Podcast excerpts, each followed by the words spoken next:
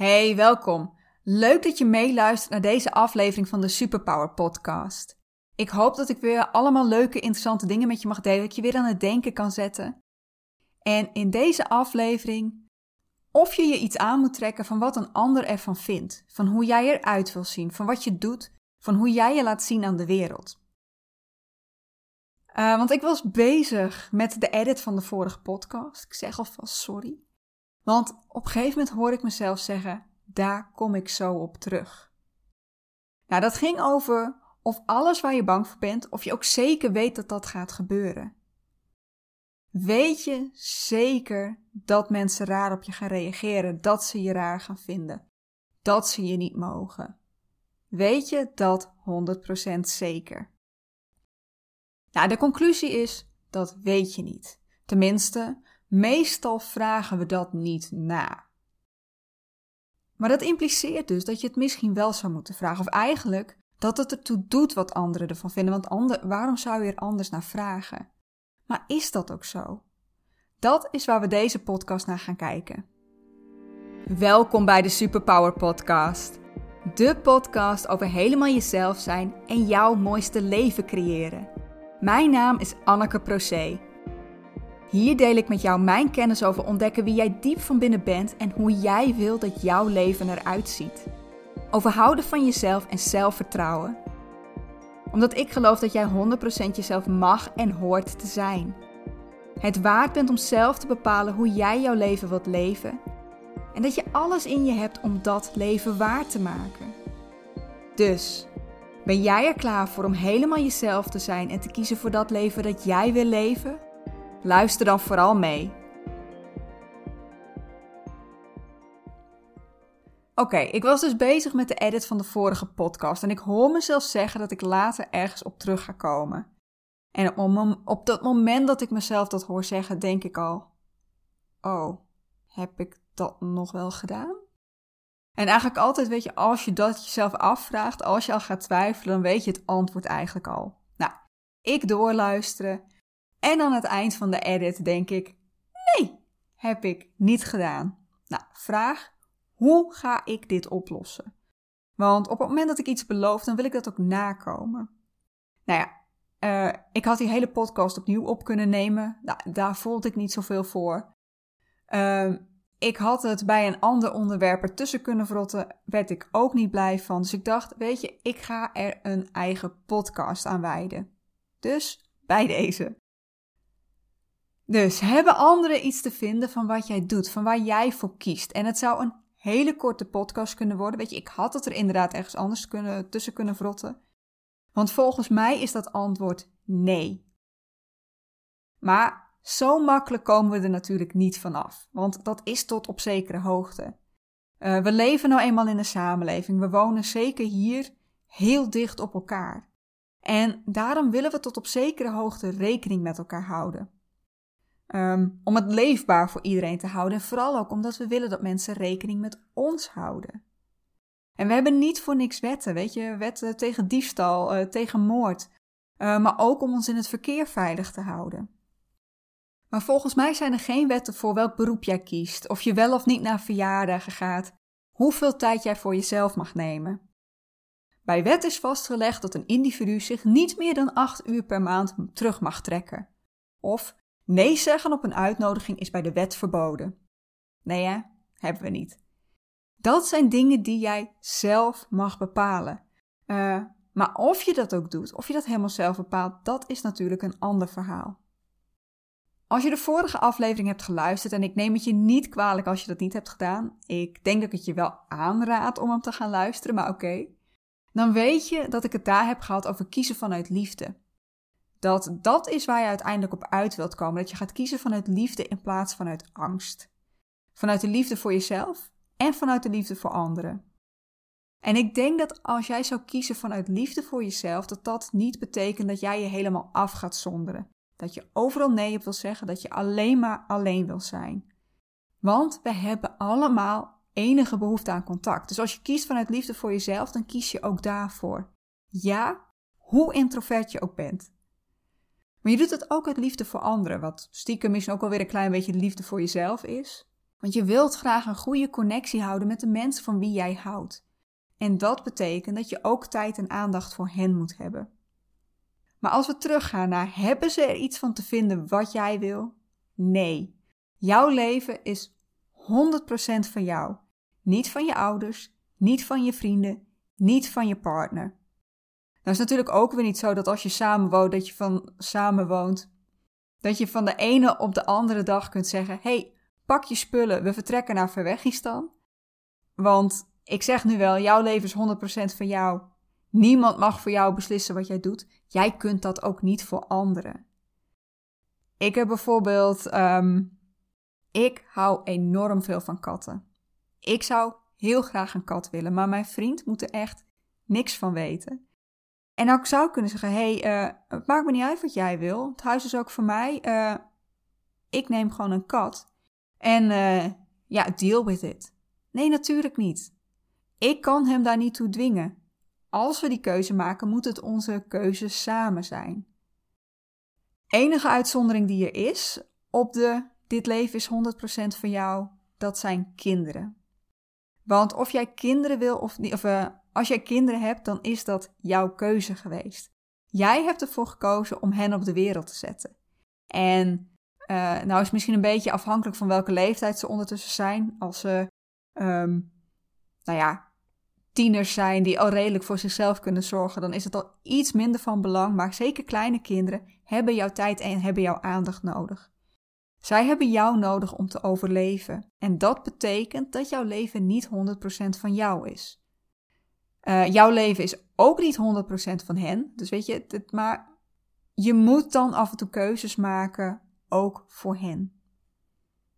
Maar als we dan zeggen dat je er niks van aan hoeft te trekken, kunnen we dan die mening van een ander ook voorkomen? Want het is wel vervelend om te horen dat ze het ergens niet mee eens zijn, of dat ze je raar vinden, of dat ze denken dat je toch wel een hele domme beslissing maakt. Nou, jammer genoeg, nee, dat kan niet.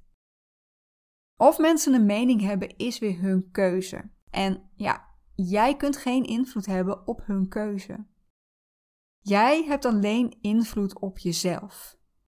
En dus is het de vraag: kun jij die mening van een ander laten voor wat het is? Kun jij het naast je neerleggen en, doen, uh, en toch doen wat je wil? En ik snap het heel goed als dat af en toe heel moeilijk is, dat dat eigenlijk niet zo goed lukt. Ja, beetje achtergrond, waar komt zo'n mening van een ander dan vandaan? Waarom hebben ze een mening over wat jij doet? Nou, de eerste kan zijn bescherming. Uh, dan denk ik vooral aan de mensen die heel dicht om je heen staan. Bijvoorbeeld je ouders, je partner, je allerbeste vrienden. Want zij zijn bang dat jij de verkeerde keuzes gaat maken, dat je uh, teleurgesteld gaat zijn, dat het fout gaat. En daarom willen ze voorkomen dat jij iets anders gaat doen dan wat je nu doet. Want nu ben je veilig. Het kan ook projectie zijn. Dat uh, ze jou iets zien doen, waarbij ze zelf denken: dat zou ik echt niet willen. Nou, daar is niks mis mee. En als zij lekker stevig in hun schoenen staan, dan is het ook van: ja, oké, ik zou het niet doen, jij wel. Good for you.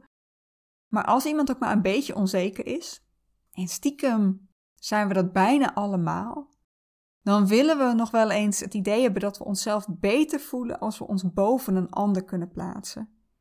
En dus gaan we het gedrag van een ander bestempelen als: oh, dat is dom, dat is raar.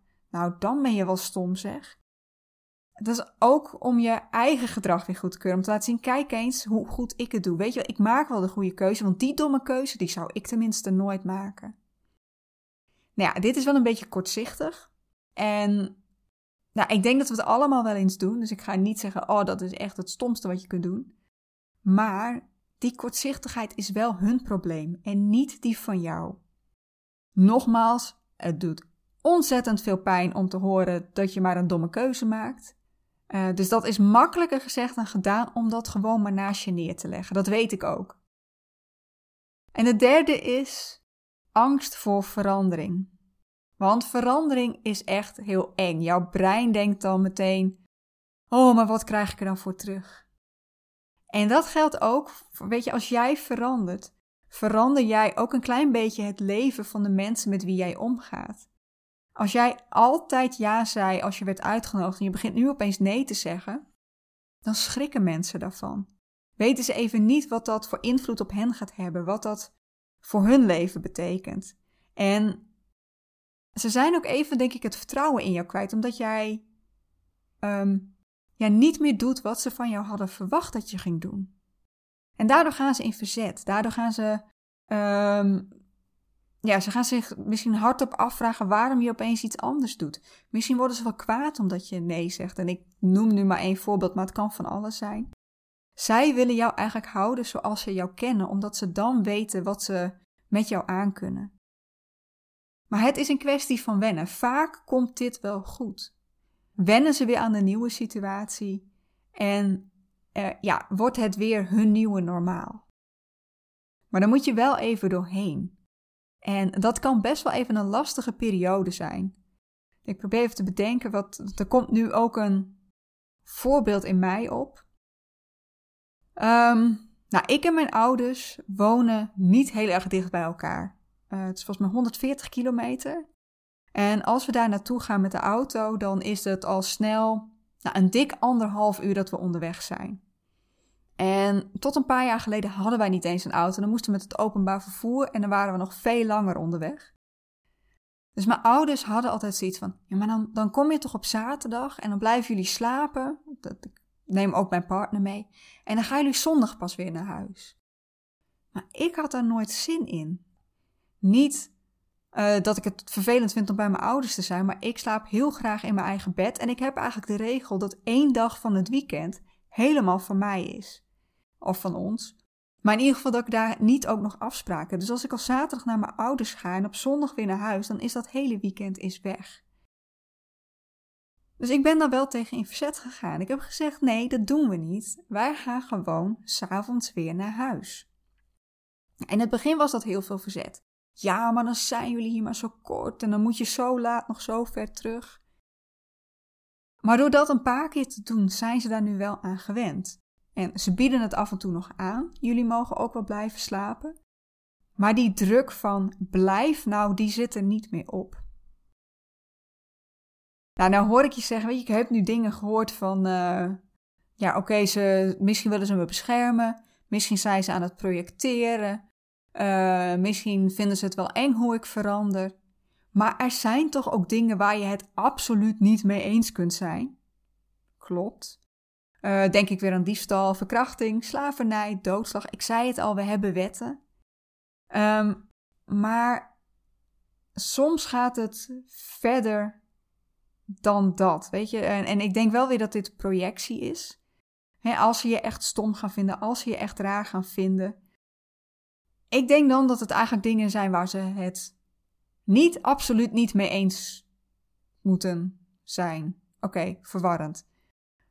Um, waar ze eigenlijk geen mening over zouden horen te hebben, ook al hebben ze dat wel. Laten we het zo zeggen. Want ik hoor heel vaak: ah, dat doe je toch niet? Nou, dan ben je echt dom, lui, asociaal. Ga zo maar door. Nou, ik heb bijvoorbeeld best wel luidruchtige buren. En in de winter heb je daar niet zoveel last van, of tenminste als de zon niet schijnt.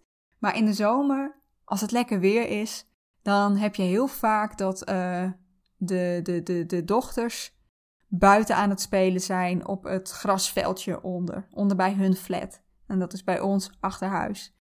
En um, ja, wat dan heel vaak gebeurt, is dat er van bovenaf de flat naar beneden wordt geschreven: ja, kom naar binnen. Of uh, um, nou, ik weet eigenlijk niet wat ze zo al naar elkaar roepen. Maar er wordt dan heen en weer geroepen. Of zoals ik toen ik bezig was met de voorbereiding van deze podcast, niet de opname. Uh, maar toen ik aan het bedenken was, wat wil ik nou in deze podcast allemaal vertellen? zat ik ook lekker buiten in de tuin.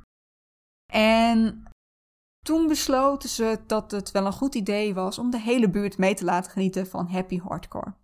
Nou, word ik daar heel blij van? Nou, niet echt. Um, Gelukkig duurde het niet heel lang. En zeker, weet je, met, met, als er een paar keer heen en weer wordt geroepen, ondertussen kan ik daar behoorlijk tegen. Maar het is wel een projectie van wat ik vind. Ik ben opgevoed vanuit het idee dat je anderen vooral niet tot last moet zijn. Dus Wees zo stil mogelijk. Zorg ervoor dat je anderen niet lastigvalt met je herrie. Maar voor hen is dat waarschijnlijk anders. Zij zijn ja, op een andere manier opgevoed dan ik. Zij hebben andere dingen meegekregen dan ik. Natuurlijk stoor ik me eraan, maar ik probeer dan geen stempel op te plakken. Ik probeer dat niet een deel van hun identiteit te maken. Dat ze asociaal zijn. Of um, dat ik iets wil zeggen over hun, uh, hoe noem je dat ook alweer? Nou ja, laten we het maar intelligentie noemen. Maar dat kan bij jou dus ook gebeuren. Dat die projectie op jou plaatsvindt. Dat ze, uh, dat ze zeggen dat jij dom bent in plaats van dat je een domme actie doet. Of dat je raar bent in plaats van dat je iets doet wat, je, wat zij raar vinden. En nou, ik denk dat ik dit nu benoem om je daar bewust van te maken. Dat zij, die mening, dat dat een projectie is van hun wereldbeeld, van hoe zij de wereld zien. En dat jij daar op dat moment niet aan voldoet, maar ook niet aan hoeft te voldoen.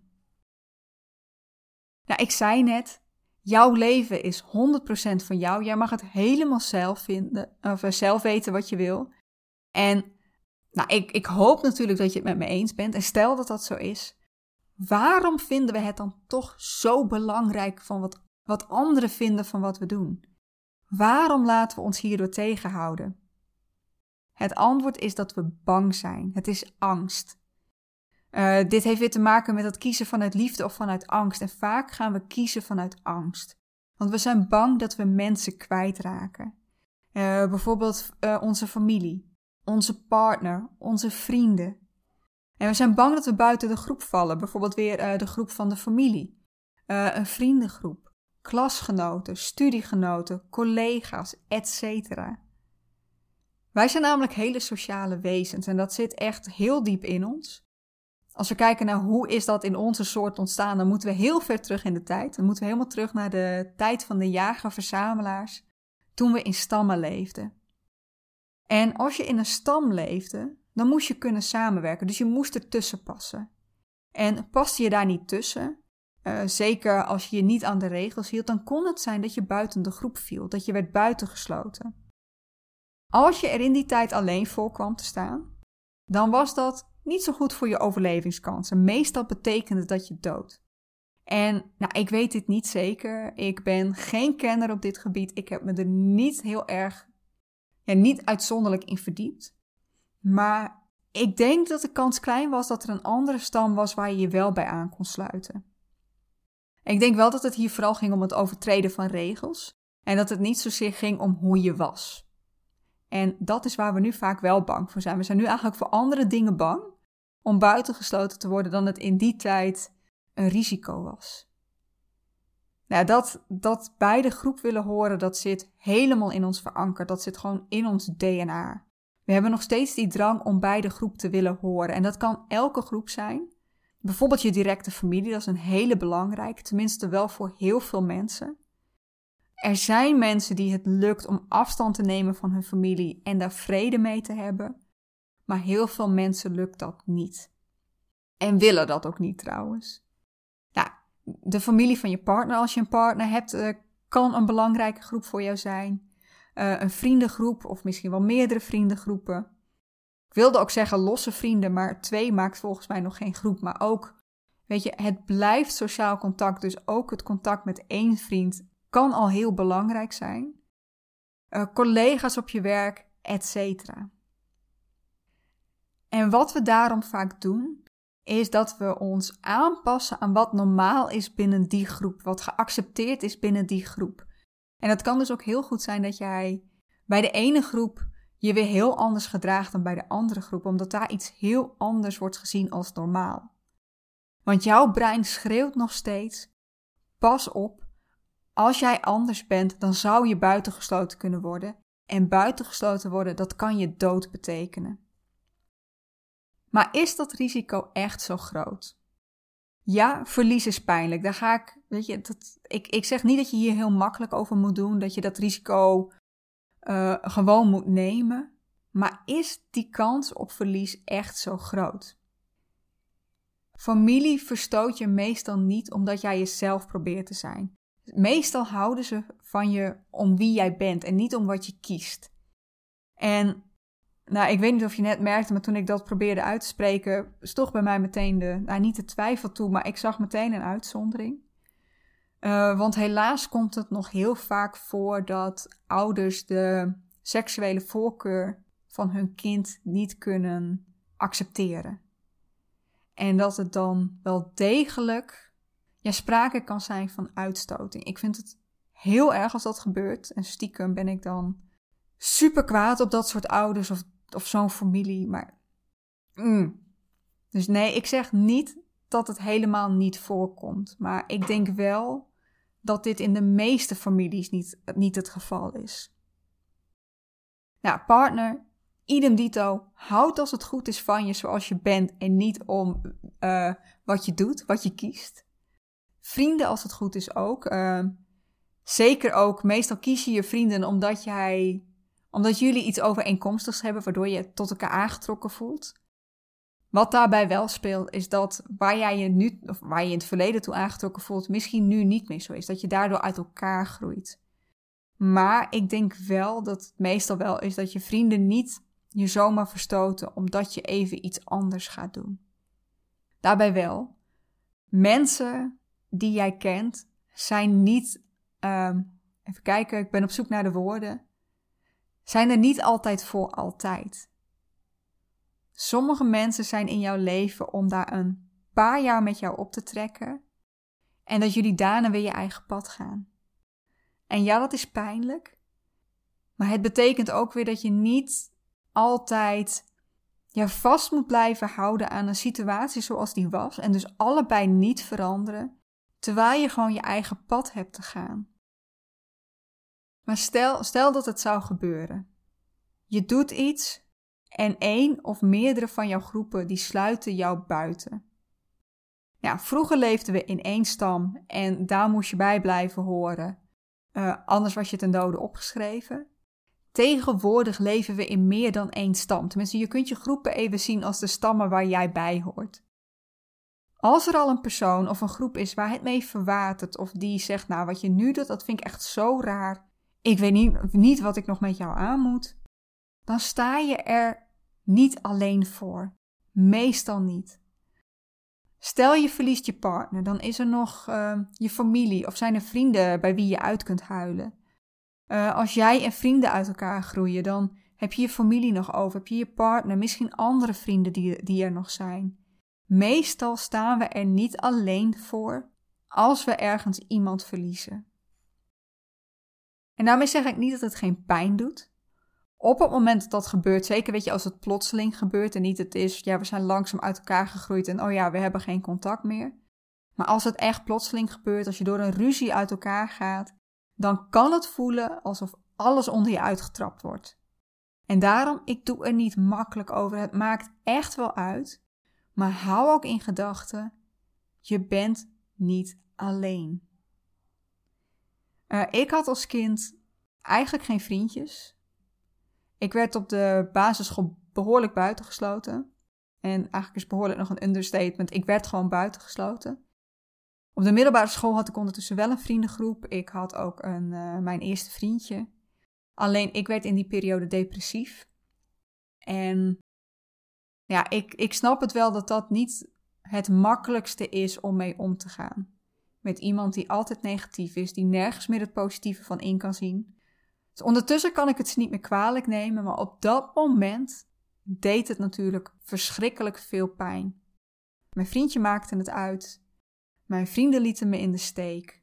Ze wisten niet meer wat ze met me aan moesten. En op dat moment had ik echt wel even het gevoel: en nu ben ik alleen. Maar dat was ik niet. Er waren absoluut nog wel mensen in mijn leven die er wel voor me waren. En ik heb dat dus kunnen overleven. Natuurlijk, natuurlijk is dat een hele tijd moeilijk geweest, maar het was niet het einde van mijn wereld. En dat hoeft het voor jou ook niet te zijn. Dus ja, je kunt bang zijn om mensen te verliezen. En mensen verliezen, dat doet pijn. Maar als mensen jou verlaten omdat jij jezelf wil zijn en, dat, en zij dat niet kunnen accepteren, omdat jij meer voor jezelf gaat kiezen, houden zij dan wel van je om wie jij bent? Of houden ze van de persoon die jij probeert te zijn, van de rol die jij speelt? En ik denk dat dat laatste het geval is. Dat ze eigenlijk van iemand houden die jij niet bent. En als zij niet echt van jou houden, zijn ze je dan wel waard? Ik geloof dat de mensen die echt van jou houden, dat die wel blijven. Misschien gaan ze jou zelfs nog wel veel meer waarderen. Omdat jij meer jezelf bent, dat je oprechter en authentieker bent. Uh, omdat je opleeft, dat je vrolijker wordt, optimistischer, omdat je zoveel beter in je vel zit. En ja, ze moeten even wennen, tuurlijk. Maar uiteindelijk weten ze dat jij doet, uh, dat, dat alles wat jij doet, dat jij doet, dat doet vanuit jezelf. Dat jij vanuit liefde handelt en niet omdat het moet, omdat je het gevoel hebt dat je hen iets verschuldigd bent. En de mensen die wel vertrekken, ja, dat kan gebeuren. Ik zeg niet dat het nooit gebeurt. Maar je kunt je dan wel afvragen: gaven zij wel echt om je? Ik geloof echt dat jij zoveel meer waard bent uh, dan iemand die zich altijd aan moet passen aan anderen om er maar bij te horen. Je doet jezelf echt tekort als je je zo wegcijfert. En ik merk dat ik dit in wil pakken, dat ik dit minder hard wil maken, maar dat kan ik niet.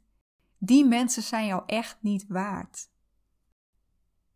En wat ik ook geloof, energie trekt energie aan. Hoe meer jij jezelf wordt, hoe meer jij um, jezelf leert kennen en daarna gaat leven. En dat ook aan de wereld laat zien natuurlijk. Hoe meer jij die mensen aangetrekken die daar ook bij passen, waar jij bij past. En waar jij echt jezelf kan zijn. Want tegenwoordig leven we niet meer in een omgeving waar we nog maar, uh, waar we tot maar één stam behoren. Waar het je dood betekent uh, als je er buiten komt te staan. Want je kunt nieuwe mensen leren kennen. Je kunt je aansluiten bij nieuwe groepen.